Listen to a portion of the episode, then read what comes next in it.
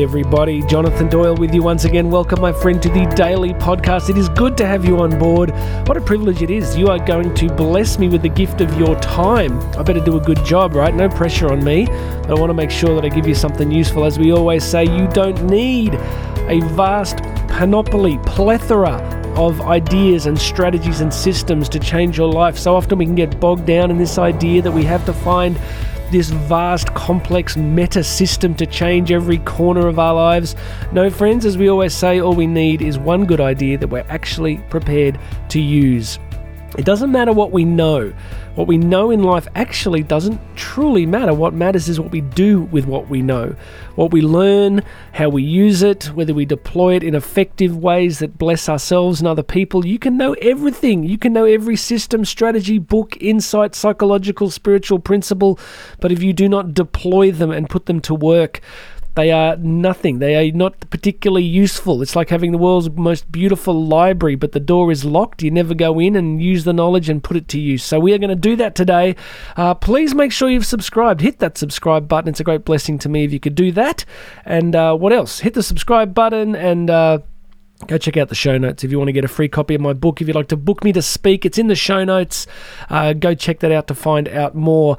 Now, today we're going to talk about a really challenging topic. It's something I've been alluding to in episodes on and off, I guess, for the last year or so. It's this idea that the thought processes flowing through our brains on a daily basis, I think we need to have a bit of a what do you call it, a come to Jesus moment. We need to have one of those moments where we begin to relook at, rethink our relationship with our own thought processes. I'm increasingly convinced that transformative change tends to happen at the level of our relationship with our conscious thinking. You know, changing our subconscious thinking is obviously more challenging because it's subconscious. You know, that can be accessed, of course, through st- deep states of meditation and prayer. Uh, things like music and drama and symbology can change some of that, but uh, it's a harder process. Whereas our conscious thinking process is something that we can begin to work with if we get conscious, if we begin to pay deep attention to the actual thought processes going on and catching ourselves in the act of going, you know what? That's not helping. So much of the time, our thought processes fly along and we assume that they're reality. Regular listeners, you know I talk about this regularly because, you know, as St. Paul famously said, of sinners of whom I am chief, I can say with you of uh, lazy thinkers of which I have been chief. And by lazy thinkers, I just mean I have been a person historically who has been a victim to the weather of my thinking. So, if the weather was good, I could be positive and pumped. If the weather was not good in my internal psychological dialogue, then I could become victim to it super, super fast. Now, I want to, I just want to mention something, and I've got to go deeper to find out where I was reading it. I was reading some research of a high level, uh, peer reviewed research just around, do you know how all of us have grown up with the concept of the biochemical basis for negative feeling states and significant mental health problems. You know, all of us have been aware of this idea that um, the neurochemical balances in our brains can affect our feeling states. There's been some very interesting research coming out recently saying we're not quite sure how true that may be. And uh, I don't want to go down that rabbit hole with you just yet. I want to get my uh, empirical, uh, epistemological basis a little bit stronger. But if we took that out of the equation, just as a thought experiment, let's just say that our mental health states are much uh, more consistently predicated upon the way that we are thinking. See, the problem with that, see, two things of just two things to think about. If that was correct, if we were in a sense doing it to ourselves, now that is not blaming the victim. Of course, uh, everybody listening, we're all in a different space on our own emotional, spiritual, mental health journey. But if we took some of that out, that kind of neurochemical fallback, then what would happen is, firstly, you know, big pharma would go out of business even faster because, of course, they're incredibly invested in that process. But secondly, we'd have to take an incredible responsibility for monitoring, managing, and directing our thinking. Now, this is difficult to do. This is something that I have found difficult and challenging to do in my own life. But I want to give you some quotes. Firstly, I want to give you three. Uh, you know, if you think of the famous quote from Ralph Waldo Emerson, the American metaphysical poet, Emerson, uh, excuse the gender specific, famously said, A man is what he thinks about all day. Have you heard that before? Um, let's just change it. A person is what they think about all day. It's a very famous quote from Emerson that we become what we think. You know, if we're thinking thoughts that are, you know, uh, I guess, let's say somebody does something to us that we don't like, we've all had the experience of, of burrowing down deeply into thoughts of self justification. I can't believe they did this to me. This is terrible. This is a. And we get in that spin cycle, right? We're spinning along and we begin to gravitate and think about those, you know, how we've been hurt, how we've been wounded. And I was thinking as I was coming into the studio, do you remember when you were a kid and Christmas was coming or your birthday was coming? Like, I don't know about you, but we would begin to obsess about it, right? You get so excited that the, the joy and the excitement leading up to those days could be really quite profound. Um, my daughter's having her 15th birthday tomorrow, and, you know, she's. Um, in many ways she's a very she's a beautiful human being and she's a very gentle spirit and you know she's quite self-contained a little bit like a dad but then the last few days and weeks she's been really talking about her birthday and how excited she is. And you can see that her thinking process, her thought process, is targeting a positive feeling state about something that's meaningful to her, right? So you begin to see that we, we are making choices about how we think and what we choose to focus upon. All right. Now, I think this is a really hard message. I think it's harder than we actually want to give credit for because it's easier to blame an external circumstance. It's easier to blame a neurochemical process than it is to go, well, what if, you know, I am participating in my own unhappiness or my happiness? Let me give you another quote here. This is from Emmett Fox. Uh, Emmett Fox was uh, a member of, I get, what it's called? I think it's called the New the New Faith movement in the early 20th century. It was a kind of weird syncret, not syncretist, but a, a kind of um, um, yeah, I guess it was a syncretist movement, a kind of pulling together of of Stoic metaphysical spiritual principles. Um, tr- I think what they were trying to do was take the best that they could find out of all the world's spiritual psychological principles and meld them into a kind of way of being. So there'd be good in this, there'd be stuff in this that would be problematic for, for some of us. But I just want to give you this one quote. He says, What you think upon grows. Whatever you allow to occupy your mind, you magnify in your life. Whether the subject of your thought be good or bad, the law works and the condition grows. Any subject that you keep out of your mind tends to diminish in your life because what you do not use atrophies. The more you think of grievances, the more such trials you will continue to receive. The more you think of the good fortune you have had, the more good fortune will come to you. All right, so at the extreme end, we've got the kind of, you know, that movie and book The Secret that came out when you just kind of you think about a Porsche and then you walk out in your driveway and it's there and you're like, what good's that? So you can see there's a well, we've got a spectrum here, right? We've got a we've got a spectrum. We've got a spectrum from believing that we can manipulate physical reality simply by our thinking all the way back to believing that our thought processes are completely irrelevant. What I'm trying to do is move the needle for all of us today and move us a little further down the line to realize that what we think upon, as Emmett Fox says here, grows. And what we don't think about tends to atrophy. So I remember as a kid when I broke my arm skateboarding. I remember I was it was a pretty bad break, and I was in a uh, I was in a cast for a long time.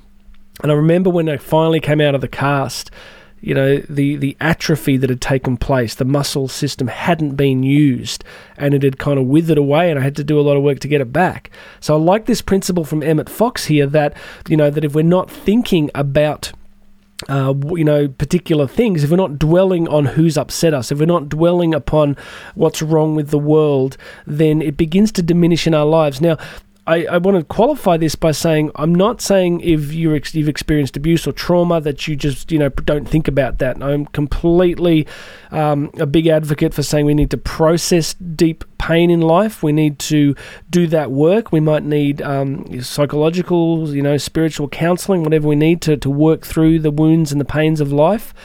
But I think there comes a point where we have to begin to diminish some of the negative things that we can think about and begin to focus upon some of the things that are true, good, and beautiful about reality itself. If you focus upon the negative in the world at the moment, well, the first thing is you're not going to run out of material, right? You're not going to run out of material. You, you can find something in the world right now to be, uh, you know, either terrified about or angry about or upset about, and you can see it tearing apart the social fabric at the moment, politically, socially, in uh, in many parts of the world. But what if we can begin to think about other things? You know, think about things that are more beneficial to us, that are more beneficial to others the last quote I'll give you comes from the good book itself, from Philippians 4, chapter 8, where, you know, St. Paul finally says, Finally, brothers and sisters, whatever is true, whatever is noble, whatever is right, whatever is pure, whatever is lovely, whatever is admirable, if anything is excellent or praiseworthy, think about such things. So, right at the birth of the early Christian church, you see this process by which there's an encouragement to, hey, direct your thinking. Think about these specific things. Don't think necessarily about the wickedness and evil of the Roman Empire that's trying to kill you. If you think about that, you'll become, you know, you'll become full of fear. You'll become, you know, angry and bitter. And he said, think about beautiful things. Think about pure things. Think about noble things. Think about things that are true. So there's this direct exhortation to direct our thinking. So, all right, let's wrap this up. Here is I guess the what I keep trying to teach everybody is step 1 is consciousness. Step 1 is to become increasingly conscious of what is going on in your thinking process. If you're struggling with depression, I'm not telling you anything you don't know because I've been there with you. I've experienced depression in life. I've experienced anxiety in life. And I, it's just you know those negative states. There, it's like this weather comes in, and we make agreements in a sense. We agree with the thinking, like life's never going to get any better. No one really cares about me. Things are going to get worse. It's never going to change. And that that internal dialogue.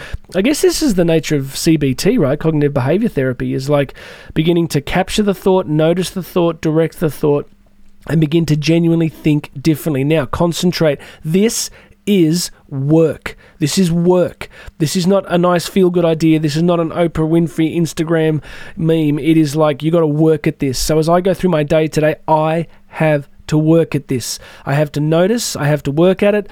I have to even pay attention to things like maybe maybe I'm just tired. You know, there's a physiological thing going on here in a sense, right? We get tired sometimes. We need to notice that we're in a in a fatigued state. We need to rest. We need to eat well. We need to look after ourselves. We need to get the exercise we need. Put those pieces pieces in place as well. All right, what am I, really the essence of this is I just think that all of us need to begin to pay attention that if we want a different quality of life, we are going to need a different quality of internal dialogue. You know, I just want to draw your attention finally to that when Emmett Fox says, you know, if you think about the good fortune you've had, the more good fortune will come to you. You know, some of you might be just not, you know, I guess resistant to what I'm saying here today, but I keep coming back to somebody like Viktor Frankl, who went through Auschwitz, who went through the Nazi extermination camps and survived it and developed, you know, logotherapy, the third Viennese school of psychotherapy. And he was like, you know, he, he found things in the death camps to be grateful and and to feel fortunate about. And then his life goes on to be a life, in a sense, of profound good fortune, where he makes a massive contribution to the world. So, by this, I mean that even if you have had difficulties in life, even if you have had suffering and, and betrayal or pain in life, you can still find some good. You can still begin to reprogram your internal narrative to go, yep, you know what, this happened, this happened, this happened, but guess what? But the meaning of it is it's made me stronger. It's made me more accepting of reality. It's made me more compassionate. It's made me want to reach out to other people who suffer. So, no matter what we go through, we can frame the meaning, and we frame the meaning of our negative life experiences through that internal language. Through, yep, this happened to me, but guess what? It was awful. I wouldn't wish it on somebody, but it's given me the ability to be gentle, compassionate. It's given me an ability to want to make something of my life, regardless of what's happened. Right, I want to say summary again and keep going, but I think I should wrap up. But I'm going to do it anyway. All right, here it is. You don't have to be a victim to your thought life. I don't have to be a victim to my thought life. We need to begin to capture our thoughts, notice our thoughts, and direct our thoughts. And it's hard, hard work. It's a moment in history where it's much easier to be a victim. It's much easier to blame, you know, uh, an external process, an internal process, a a government, a financial system. Pick pick your you know pick your poison, right? We can find something to externalize our problems toward. I don't mean that we don't fight for justice and do what we can reasonably do to change systems and, and structures. But at the end of the day, we have an incredible chance to direct our future by catching ourselves in the act of unhelpful thinking and choosing and deciding to think differently.